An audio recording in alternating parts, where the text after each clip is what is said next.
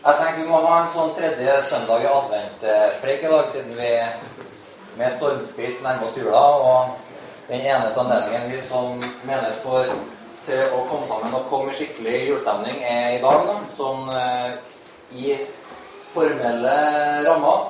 Ellers så regner jeg med julestemninga kryper inn både dører og vinduer overalt hvor vi samles for tida.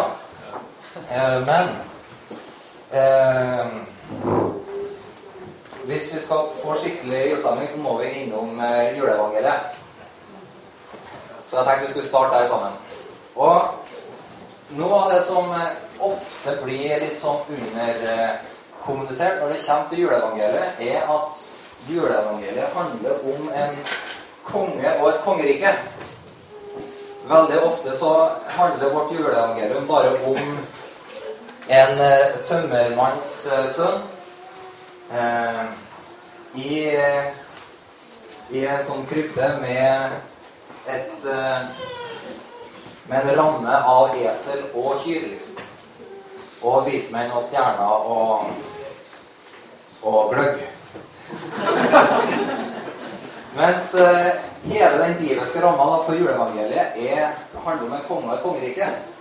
Og hvis du leser eh, Eh, opptakta til juleevangeliet gjennom eh, denne eh, boka, så ser du at alle som talte om at Jesus skulle komme For Gud han lot nemlig ikke Jesus komme uten at det var annonsert på forhånd, men han masseannonserte gjennom flere generasjoner at det skulle komme en Messias, en konge.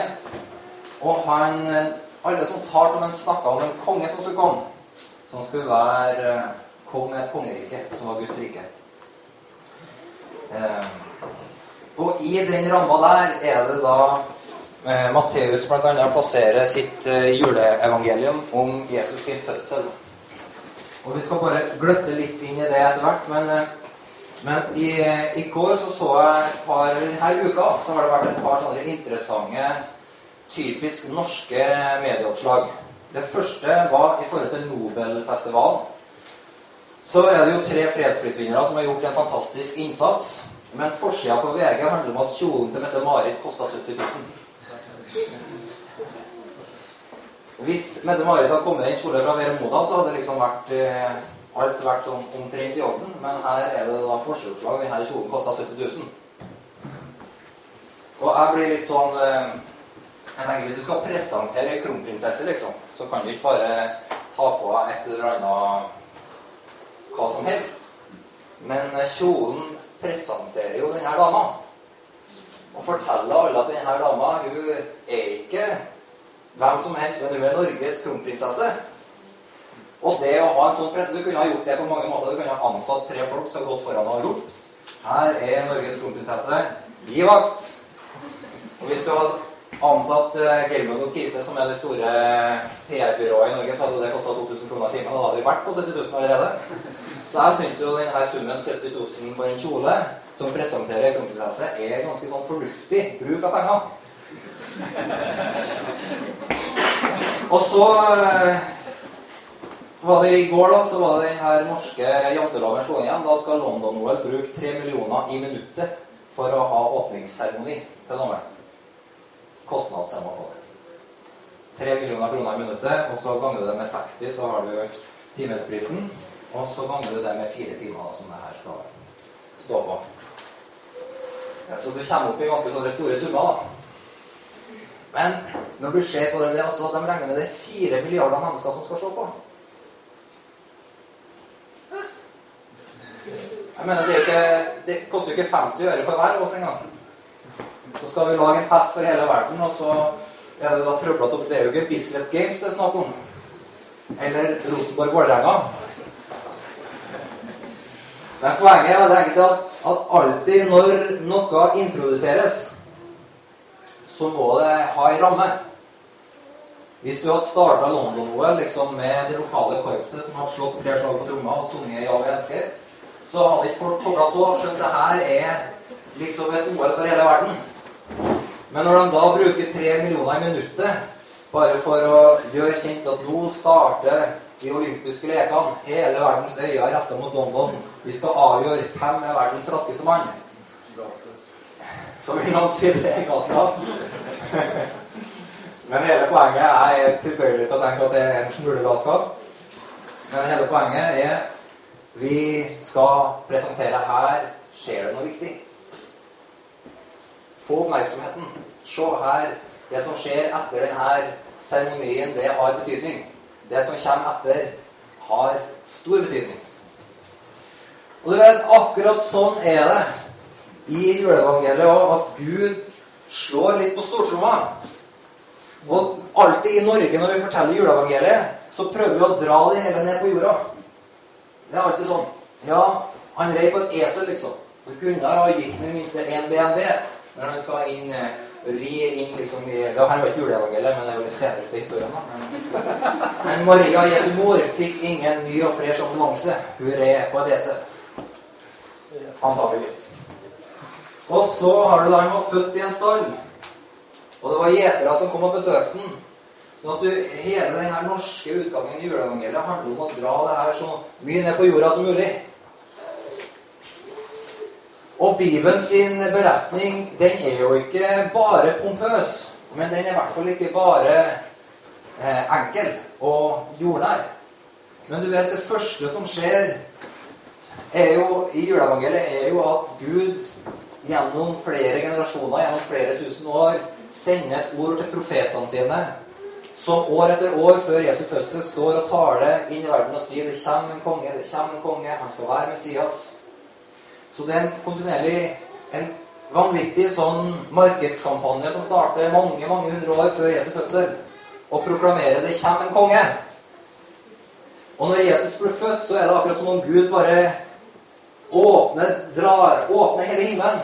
Og Det står om en sånn himmelsk hærskare. Og når vi ser de bildene, så ser vi én engel og 50 småengler bakom. liksom. Men hvis du leser hebreerbrevet, så står det at alle Guds engler jubla. Tenk på det. Skarene av englene, myriadene av englene, sto for Guds åsyn og jubla. Så det som det her hyrdene så på marken, som var en hærskare, som var antageligvis de så noe uendelighet av engler som jubla og prisa Gud, det var bare, til og med det var bare et gløtt. Gud hadde satt hele himmelen i sving. Det var som om, som om fra det minste til de største i det himmelske var det feststemt og jubel og lovprisning. Og ikke nok med det, men Gud plasserer ei egen stjerne på himmelen som forteller at nå er det født en konge. Det, det var, var dukka opp noen ting. Så det her vismennene, det står at vismennene de har sett noen ting. Helt fra Østen hadde de oppdaga her var det kommet noe nytt på himmelhvelvinga. Du vet, i, i Bibelen og i Guds verden så er alltid himmelen tale om, om styre, om kongedømme, om rika. Så når det skjer noe nytt på himmelen, i de her himmellysene, stjernene og sola, månene i Bibelen Hver gang det skjer noe med de her himmellysene i Bibelen, så skjer det noe med et kongerike. Det kan du legge merke til. Det er helt fra begynnelsen av og helt til slutten. Det handler alltid stjerner, sol og måne om at det skjer noe med et kongerike. Så når Gud har plassert en sånn stjerne på himmelen, så var det en mektig demonstrasjon for alle som skjønte litt av Guds verden, at det hadde kommet en konge. Og Gud kaller da på den verdens universitetsmiljø og sier 'Kom og bøy kne for kongen' så kommer det tre menn som representerer de her eh, tenkende miljøene på den tida. Reiser til Betlehem og oppsøker da palasset til Herodes. Og det som skjer når de kommer til palasset til Herodes og spør etter en konge, som juleevangeliet forteller, det er at Herodes blir nervøs. Og hvorfor blir han nervøs? Jo, fordi han har hørt, han vet, at det er brakt en del profetord opp gjennom tida det er noen som har Gud har hatt annonsekampanjen sin så klart og tydelig at Herodes visste. Det var tydelig annonsert. Det kom en konge. Og denne kongen, han, han skulle få et rike som skulle være sterkt, stort og dominerende. Det står at det riket som den kongen med, skulle knuse alle andre riker. Så når Herodes hører at det kommer tre representanter for det det, for Silicon Valley, liksom, det smarteste tekniske eh, liksom, eh, vitenskapelige miljøet i verden til hans lille plass på jord, han var, jo, han var jo en konge, men han, han var ikke blant de største. Han hadde folk over seg. Når de kommer til han, til hans domene, så, så, er det akkurat som om hele systemet hans går i error, og han blir fullt av frykt. Og så kaller han sammen da alle som har vært i det her profetiske miljøet, som vet hva Gud har talt om, og så sier han Hvor skulle denne kongen blitt født den? Tenk på det. Regjeringsmakta, eh, som ikke var på langt nær Det var ikke noe mer kristelig regjering da enn nå, for å si det veldig enkelt. Det var en, det var en sekulær regjering som sto alt som hadde med Guds ting imot. Herodes var ingen sånn Stoltenberg er en fantastisk mann med så mye gode verdier. Men Herodes han hadde ikke de kvalitetene, for å si det sånn. Han var Og nå Herodes sin konklusjon da, var hvis det er sånn at det profetiske miljøet blant jødene sier at denne kongen skal bli født i Betlehem, og at det skjer nå, så må vi handle. Og han handla og brukte sin kongsmakt og utrydda, ifølge Guds ord, alle nyfødte guttebarn. Og det er sånne dokumenterte historiske beretninger som har flere vitner på seg. Det var en, en Herode som utrydda alt av guttebarn, og bakteppet for det var kongenes konge da hadde kommet. Det var ikke bare en baby, men Gud introduserte kongen sin. Det var et kongerike som kom, som gjorde at denne statsmakta som var på stedet, begynte å bli nervøs. Og gjorde drastiske ting, groteske ting, for å være sikker på at de bevarte kongsstyret. Så du vet det her eh, åpningsseremonien i London-OL bare blekner. Du har ingenting å stille opp med når du får en introduksjon der hele himmelens hærskare jubler. Der verdens eh, regjeringsmakta skjelver. og der visdomssenteret i verden bare må bøye kne. Det er liksom, det er ikke bare en markering av at nå starter en fest, men en markering av at her kommer et helt nytt kongerike på banen. Det er juleevangeliet. Han som lå i krybba, han er kongenes konge, herrenes herre. Og det første du ser, eller alt du ser og leser av profetier og ord som kom over Jesus Hvis du leser i Matteusevangeliet, så er det snakk om han skal sitte på en trone, på Davids trone. Han skal være konge til evig tid. Han skal opprette et rike som er uten ende. Og så tar eh, Bibelen oss med inn i historien om denne Jesus fra Nasaret. Og veldig mye av beretningen om berømte folk handler om eh, Altså, Jesus er en av de her historiens berømte.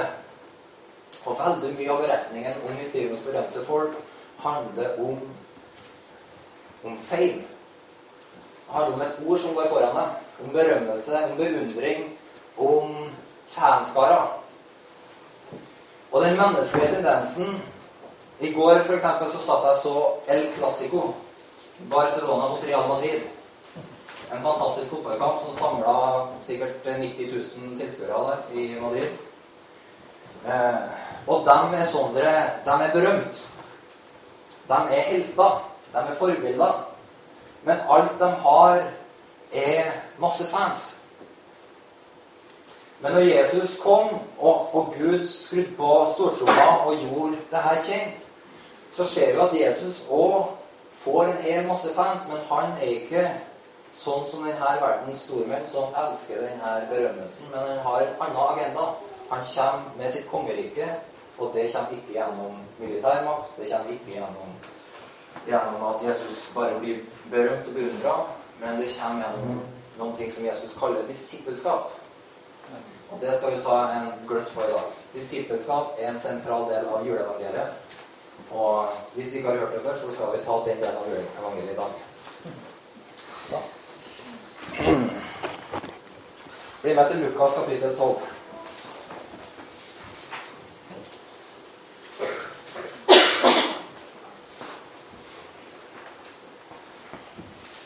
Det som vi veldig tidlig oppdager i Jesus' tjeneste, er at Gud slutta ikke å vitne om Jesus og hvem han var etter at de her begivenhetene rundt Jesus sin fødsel var overstått.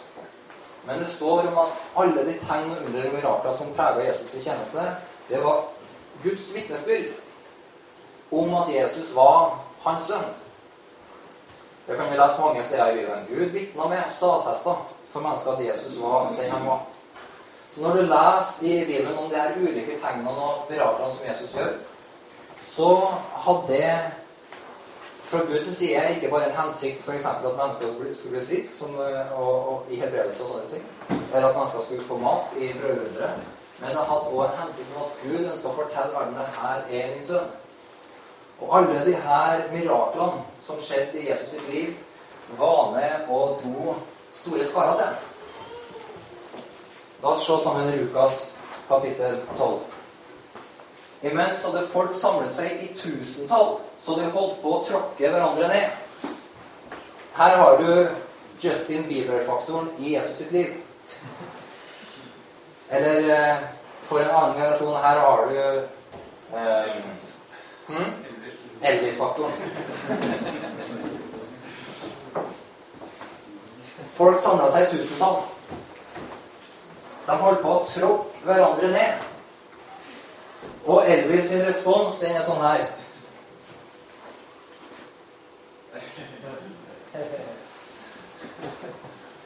Ok? Men Jesus sin respons på folkehavet var veldig enkel. Jesus vendte seg først til disiplene sine og sa okay? Jesus, som kom da med Guds rike han hadde ikke fokus på en fanskare, på beundring. Men han hadde et fokus skal det her fantastiske himmelriket komme og bringe fred og bringe forandring til jorda. Så det er én ting jeg har for øye, og det er disipler. Jesus ønsker ikke bare å ha folk som beundrer men han ønsker å ha folk som etterfølger han. Jesus sitt liv har kraft i seg til å forandre verden. Han ønsker ikke bare fanskarer, men han ønsker reelle etterfølgere. Og så begynner Jesus da å male ut for dem livsstilen som preger folk som har møtt Guds rike. Og Nå skal vi se på noe veldig interessant, for i, i alt av Jesus' sin undervisning så finner vi at Gud forandrer ikke verden gjennom ytre maktfaktorer. Ok? Guds plan for denne verden er fantastisk god. Men han Gud har ingen plan om å opprette en kristen stat med sånne ti bud-lovgivninger. Like lite som Like lite som det er godt med en sånn eh, sharia-stat bygd på muslimske prinsipper, like lite har Gud planlagt en kristen stat. Der hans bud og regler på en måte blir tredd ned over hodet på folk og, og stramme grepet. Gud opererer ikke på den måten. Gud er ikke en gud som presser seg på. Men Gud kommer med evangeliet, og så ser vi at Jesus er, er ikke bare ute etter berømmelse heller. Men han er ute etter etterfølgere. Og det er her Jesus begynner å undervise om en ny kultur, en ny måte å leve på, som kjennetegner hans rike, og som har kraft i seg til å forandre verden. Så det her er midt i juleevangeliet. Det her er han som kongen som ble født. Han begynner å etablere riket sitt gjennom at mennesker begynner å leve ut det her riket sine prinsipper. Det første han sier hvis Jesus skal få forandre mitt og ditt liv, det er Han sier ta dere i vare for fariseernes surdeig, hykleriet deres. Ingenting er tildekket som ikke skal bli avdekket, og ingenting skjult som ikke skal bli kjent. Derfor skal alt dere har sagt i mørket, bli hørt i lyset, og det dere har hvisket i enerom, skal bli ropt ut fra takene. Vet du, Jesus, han, han eh, han avskyr dobbeltliv. Hykleri. Han avskyr fasader.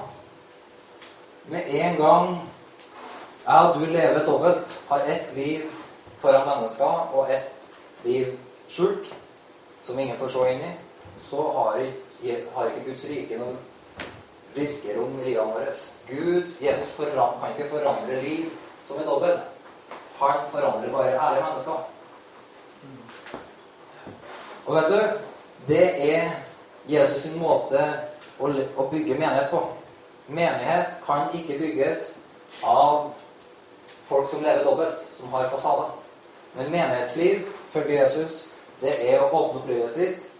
Ikke prøve å være fin, men å være ekte. Ærlig. Jordnær. Det er Guds rikelivet. Det er starten på at Jesus kan gjøre noe i livet vårt. Det er å senke skuldrene og si 'Jesus' og eh, mine alle dere rundt meg, her er livet mitt. Sånn er det. De her tingene er utfordrende. De her tingene trenger hjelp til. Og så når vi begynner å snakke sant om oss sjøl, så, så, kan Jesus få begynne å forandre oss og gjøre ting. Kristendom, eller uttrykk for kristendom som er sånn dobbeltmoralsk, eller hyklersk, der det er én ting som sies, og en annen ting som leves, en ting som er synlig, og noe annet som er usynlig, det Jesus er ikke i det. Jesus er i det ærlige. Jesus er i det åpne, oppriktige fellesskapet. Og han, og veldig enkelt Han for, kan ikke forandre mennesker som lever dobbelt. Jesus forandrer bare ærlige mennesker. Og, og den forandringa som Gud kommer med, den kommer alltid på innsida. Sånn? Gud forandrer oss ikke utafra med et sett men han kommer på innsida av ærlige mennesker med strike. Så det her er starten på den nå er starten på den Guds rike-forandringa som Jesus ønsker. Det er en helt ærlig, åpen kultur. Heller stygg enn falsk.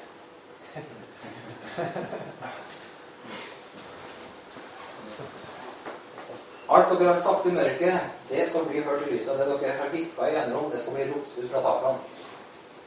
Jesus er radikal. Han hater dobbeltkultur. Han hater det her baksnakkinga i ett rom, og så kommer det et annet rom, og så smiler det det bredeste smilet. Det står kongen imot. Få det ut. Det har ingenting med riket å gjøre. Der han er konge, fær sånt ut bakdøra. Okay? Og så kommer Jesus med en medisin mot hykleri. Skal vi se. Til dere, mine venner, sier jeg, vær ikke redd for dem som slår kroppen i hjel, men siden de ikke kan gjøre mer. Jeg skal vise dere hvem dere skal frykte. Frykt han som kan slå i hjel, og siden har makt til å kaste i helvete. Ja, jeg sier dere, det er han dere skal frykte. Selges ikke fem spurver for et par skilling, og ikke en av dem er glemt hos Gud. Men til og med hvert hårstrå dere har på hodet, er tart. Vær ikke redde, dere er mer verdt enn mange spurver. Og her er jo Jesus igjen da radikal. Han sier ikke frykt mennesker. Menneskefrykt fører til hykleri. Menneskefrykt fører til at du bygger en fasade der du er mer redd for hva folk syns om deg, enn hva Gud mener om deg. Men gudsfrykt det tar deg ut av menneskefrykten. Det tar deg ut av fasadene. Så faktisk så er ifølge Jesus gudsfrykt det er en vei til frihet der du kan være deg sjøl og leve uten å la mennesker være dommere over livet ditt. Ingen mennesker er dommere over mitt liv. Det er Gud. Og han frykter jeg. Så Jesus oppmuntrer oss til å frykte Gud på en sånn måte at vi ikke frykter mennesker. Og så vi kommer ut av skallene, kommer ut av fasadene og stiller oss fram og sier ærlig og åpent og det her er mitt liv. Det her Så bra og så dårlig står det til. Og her det her livet har jeg tenkt å kjenne Gud med. Det er resultatet av Guds frykt. Du kommer fram på denne måten. Og så drar Jesus skikkelig på så sier han ikke vær redd bare for uh, den som kan slå kroppen din i hjel. Refererer til menneskene og sier du må frykte han som er grunn til å frykte. Han som har makt til å kaste i helvete. Men så går det enda videre og så sier han men hvis du kjenner Gud, så vet du at ikke engang en spurv ramler tilbake uten at han vet om det. Og du er mye mer verdt enn mange spurver. Så det her er ABC i verdensforståelse. Gud er god. Men du må frykte han. Gud, han har omsorg til meg for spurven. Og han har hundre ganger mer omsorg for deg. Han har tenkt å ta vare på deg, har tenkt å, å vise deg nåde og liv og gjøre godt mot deg. Men hvis du frykter mennesker mer enn Gud, så våkn opp. Frykt Gud. Lev ærlig, lev åpent. Still livet ditt fram oppriktig, og så skal Gud sørge for deg. Så Jesuskulturen den handler om gudsfrykt, som driver ut menneskefrykt. Og gjør at du kan være som han går videre her. Så sier han, 'Vær ikke redd, dere er mer verdt enn mange spurver'. Så sier han, 'Jeg sier dere, hver den som kjennes med hver for menneskene, skal også menneskesønnen kjennes ved for Guds engler'. Men den som fornekter meg for menneskene, han skal også bli fornekta for Guds engler. Så her går han videre og sier han at gudsfrykten den tar vekk menneskefrykten, og så gjør den deg frimodig. Og vet du Det er én ting du trenger mot for å snakke om i Norge i dag, og det er Guds rike. Det er Jesus Kristus. Det er så interessant å se den offentlige debatten. Du kan gjøre hva du vil i det offentlige rom, bortsett fra å si 'Jesus Kristus er konge'. Da blir du skrevet ut av debatten umiddelbart. Da er du en mørkemann. Du kan ha det mest positive ja-budskapet, men med en gang du sier 'Jesus Kristus er konge', så kommer en eller annen debattant og skriver deg ut. Du har ikke meningsrett. Bare se på debatten rundt trekant. Alle de kristne stemmene blir skrevet ut. Gjort irrelevant. Hvorfor det? Jo, fordi de har et kristent moralistisk ståsted. Så her om dagen nesten en Morgenblad-artikkel, og så har jeg da klipper jeg den ut på nettet og, så, og anbefaler den til folk, og så får jeg en reaksjon med en gang. Denne artikkelen er bare Jeg syns den var kjempegod. Det var det her trekantprogrammet. En veldig nyansert og interessant artikkel. Og så med en gang så står det her signert en KrF-politiker. Derfor er det ikke interessant. Det er bare tøys. Bare vås. Vet du? Jesus, han sier at Guds frykt leder oss til å bekjenne Han for mennesker. Frimodig. Jesus ville ha en frimodig Jesuskultur. Ikke en kultur der Jesus blir gjemt bort, trukket unna den offentlige arenaen. Jesus er ikke privat.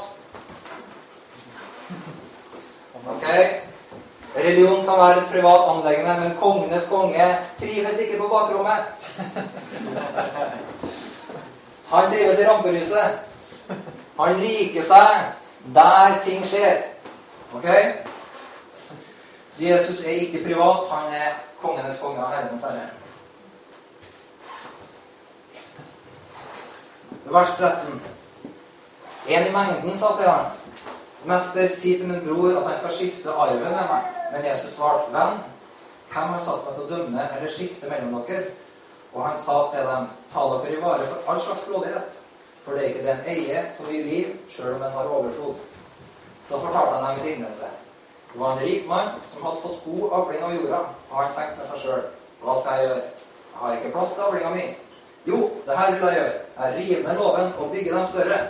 Og der samler jeg kornet og alt som jeg eier.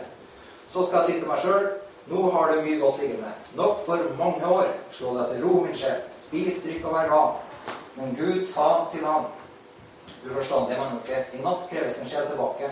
Hvem skal så ha det du har samlet? Slik går det med dem som samler skatter til seg selv og ikke er rik i Gud. Vet du, Jesus bringer alltid mennesker ut av materialisme. Og ønsket om å bli rik Altså, Jesus er grunnleggende sett ikke imot å være rik. Hvis du ser summen av Guds ord, så finner du Jesus har ingen problemer med rikdom. Hvis du ble bekymra. Du vet, han har alt sølvet og gullet i hele verden. Han eier jorda alt som fyller det, så han er så rik som ingen av oss. Så han har ingen problemer med rikdom. Men Jesus han er radikal i forhold til materialisme og ønsker å jage om å bli rik. Og vet du, han sier, kalles det det her med rikdommen som rikdommens bedrag. Og et bedrageri, vet du, det er når du legger noen ting ut på finn.no. Eller du kjøper noen ting på finn.no. Eller gjør rubrikkene i avisa. Du kjøper en støvsuger som, er, som kan støvsuge til og med poteter. Den tar alt. Og selgeren ber om 20 000. Og du fører det her over på kontoen. Og så sier du at du kan bare dra ned på havna i Trondheim og plukke den opp. Og så der finner du en boks, og så tar du med den hjem og åpner den. Og så ser du at inni støvsugeren, inni støvsugerkassa, så er det bare en sånn liten sånn Wilfa som du kan ta brødskiva med. Da har du opplevd et bedrageri. Og sånn er det med rikdommens bedrag. Den får deg til å betale noe for noe som ikke er verdt det. Ok? Jesus unner ingen å leve i rikdommens bedrag. Så her kommer det en mann til Jesus og så sier 'Jesus, si til min bror at han skal skifte arv over meg.' Og så sier Jesus, 'Jeg er ikke interessert i å være med og ødelegge familien din.' Det er han egentlig sier. Har du sett det? Hvordan visdommens bedrag har kommet inn i sånne arveoppgjør og ødelagt familier. Jeg mener, det er jo ingenting verdt. Den arva i forhold til et godt familieliv, i forhold til gode relasjoner, i forhold til et nært forhold til slekt og, og søsken Jeg mener, Hva er relasjonen til søsknene i forhold til et arveoppgjør? Og så kommer rikdommens bedrag midt i det her sorgprosessen etter at noen har gått bort, og så sitter tre søsken over en arv og blir lurt til å svikte sine nærmeste relasjoner, til å havne i dype konflikter som varer livet ut fordi de ikke skjønner at de blir lurt. Det er et bedrag. Eller det er ektemannen som tror at bare han kan få den stillingen og den stillingen og den stillingen, så vil det være til det beste for kona hans. Og etter tre forfremmelser så sitter han der uten kone. Eller han sitter med ei ulykkelig, men trofast kone. Og plutselig så oppdager han at det var ingenting verdt. Det var et bedrag.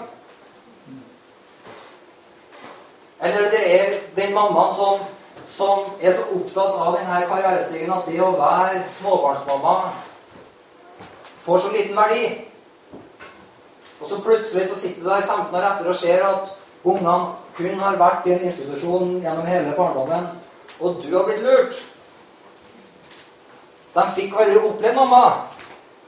Og det samme hvor gode argumentene er for at presset i tida vår tilsier at du må ha to fulle inntekter osv. osv. Nei, det er et bedrag. Det koster masse penger å leve lurt, men ikke bli lurt av rikdommen. Og Jesus han sier disse tingene inn i forhold til Guds rike inn i forhold til det oppdraget han har satt oss i for å være med å forkynne evangeliet om Jesu frelse. Han sier ikke la rikdommen lure livet ditt på en sånn måte at du sitter en dag og sier 'Jeg har ikke vært med i oppdraget Jesus satt for meg, fordi at jeg var heldig å ha styrt av et bedrag.' Rikdommens bedrag.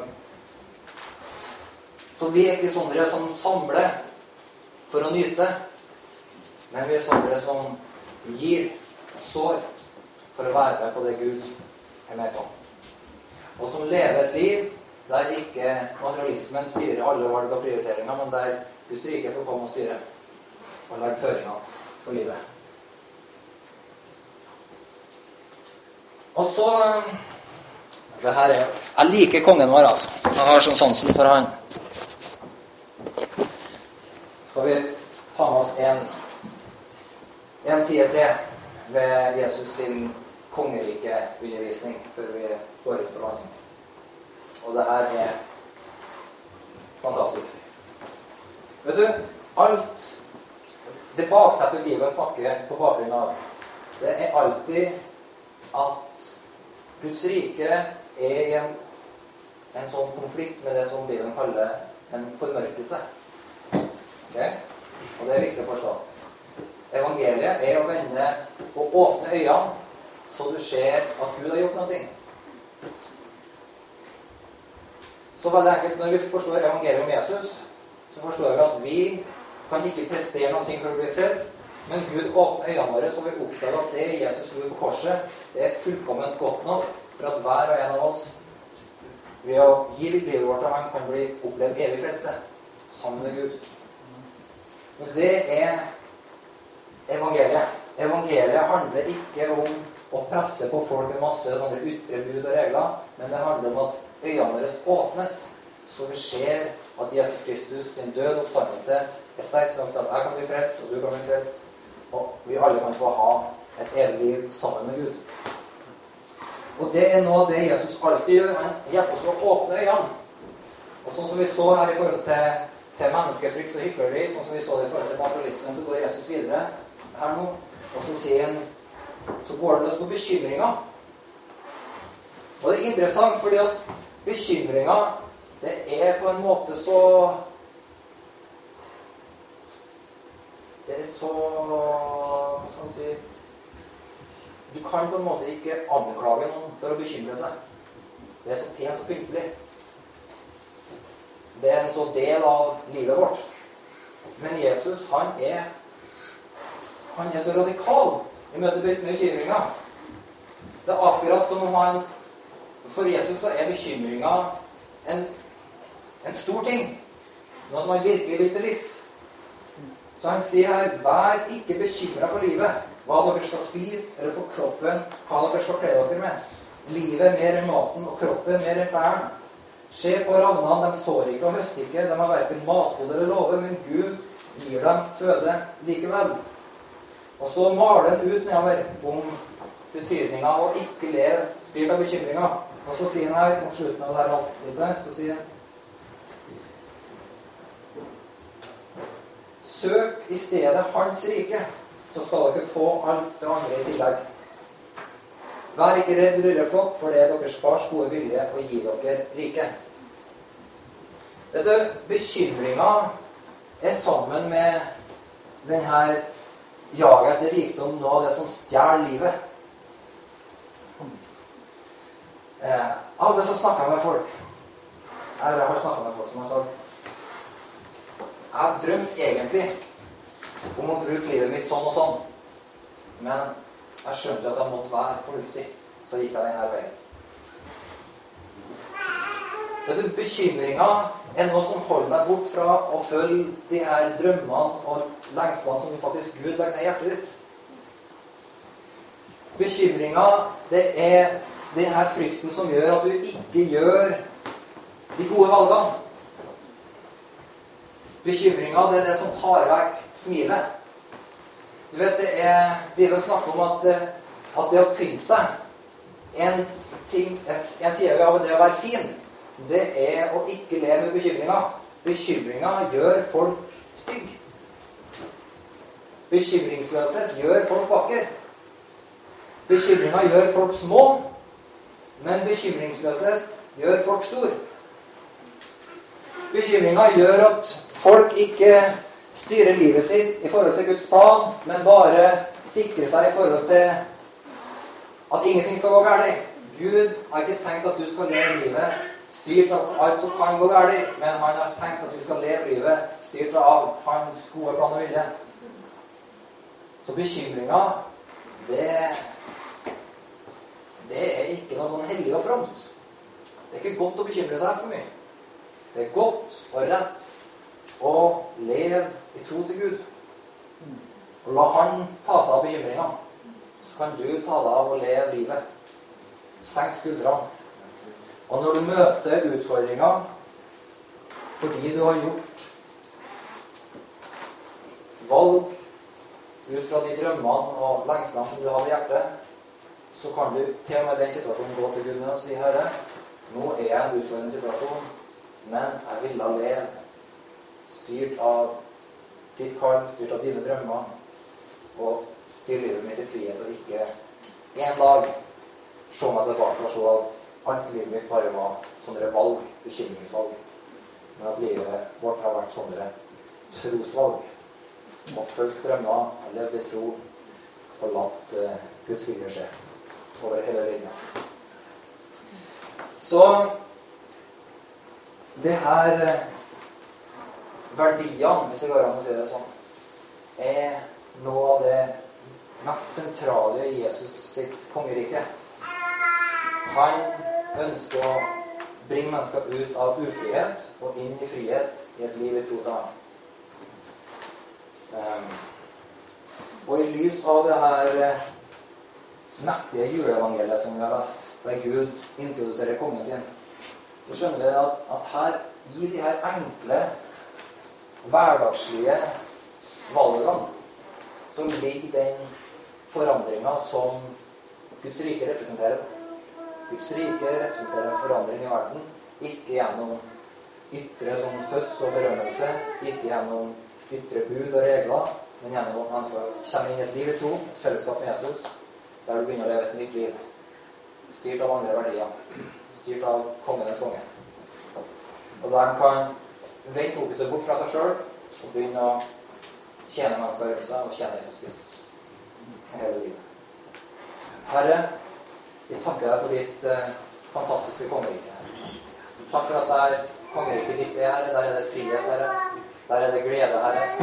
Herre, der eh, kan vi sammen, Herre, hjelpe hverandre, Herre, til å holde et fokus på det som er viktig i livet, Herre. Og Herre, ikke bli dratt med, Herre, i rikdommens bedrag eller styr livet av bekymringer, Herre, eller styr livet av menneskefrykt, Herre. Men å leve veldig enkelt med en grunnleggende tillit til at du er konge, at du har all makt, og at du har makt til å føre oss fram for deg i herlighet, Herre. Eh, uten at vi trenger å legge noe til Herre ved eget sted. Vi bare ærer deg for at du er konge mellom oss, at du har et fantastisk kongerike som fyller hele jorda. Amen.